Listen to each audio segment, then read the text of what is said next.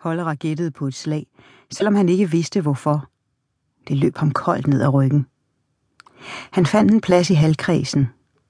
Nu lagde han mærke til, at munken også havde et sår på venstre kind. Et kødsår, der havde blødt ind til for nylig. Sårskorpen kunne ikke størkne i sneværet. Vi er nødt til at gøre noget, ellers dør han af kulde, sagde Hollera ud i luften. Der kom bevægelse i mængden, dæmpede stemmer, talte i munden på hinanden.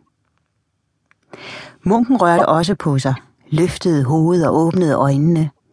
De var meget smalle, og Hollera tænkte, at de virkede livløse og sørgmodige. Munken lod langsomt blikket glide over libagborgerne. Munken lod fra tid til anden blikket hvile på et af ansigterne en kort stund, inden han lod det glide videre. De smalle øjne hvilede også på Hollera et par sekunder. Det var et mærkværdigt blik. Ikke uvenligt, men mærkværdigt. Vidende. Hollerer kunne ikke blive klog på det blik. Munken så på ham, som om han kendte ham. Som om han vidste noget om ham, som Hollera ikke selv vidste. Så vendte munken blikket bort. Men hvad skal vi gøre, spurgte Ponselt, borgmesteren.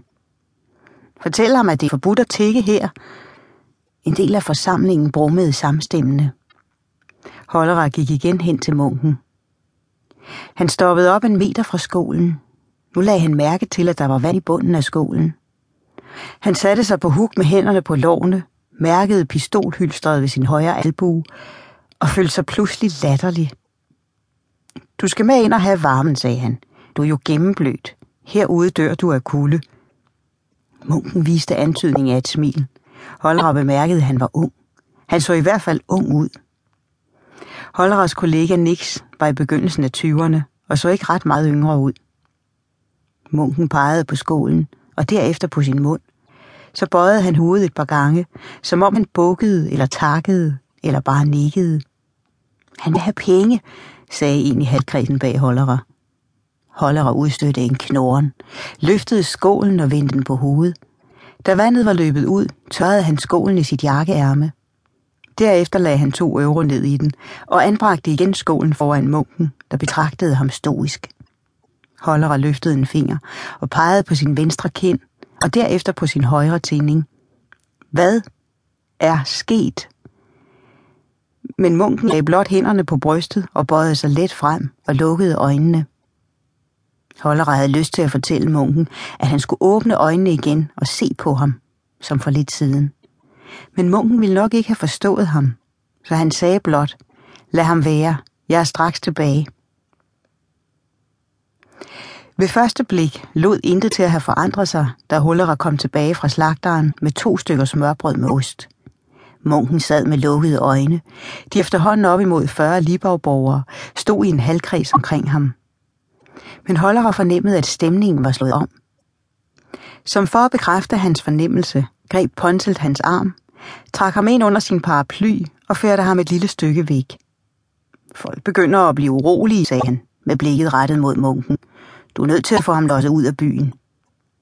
Hollera betragtede tavsten vanddråbe, der hang på Ponsels næsetip. Du spørger dig selv, fortsatte Ponselt, om der er flere af hans slags, det sted han kommer fra, eller er på vej til. Om vi nu skal have den slags tiggerfyr rendende i Libau hver lørdag formiddag. Du ved godt, hvad jeg mener. Hare Krishna-typer, Bhagwan-typer, den slags. Folk her i byen har problemer nok i forvejen. De har ikke brug for, at den slags sekter kommer her og nasser. Vanddråben faldt langt om længe ned fra Ponsels næsetip. Hollera vendte sig om mod munken. Forstår du, hvad jeg siger? spurgte Ponselt. Folk er urolige i disse tider. Vi kan ikke vide, hvad han og hans kompaner er ude på. Hollera nikkede, men sagde ikke noget. Han overvejede, om han selv var som Ponselt. En opportunist, der fik ting til at ske, men aldrig følte sig ansvarlig for noget. Et menneske, der var så glat, at skyld ikke blev siddende på ham. Siden Amelies død havde han haft mærkelige tanker. Tanker som, er jeg pessimist? Eller optimist? Livet havde så afgjort været mere enkelt, dengang han ikke havde den slags tanker. Dengang han spiste, sov, arbejdede og skændtes med Amelie, og ikke havde mærkelige tanker.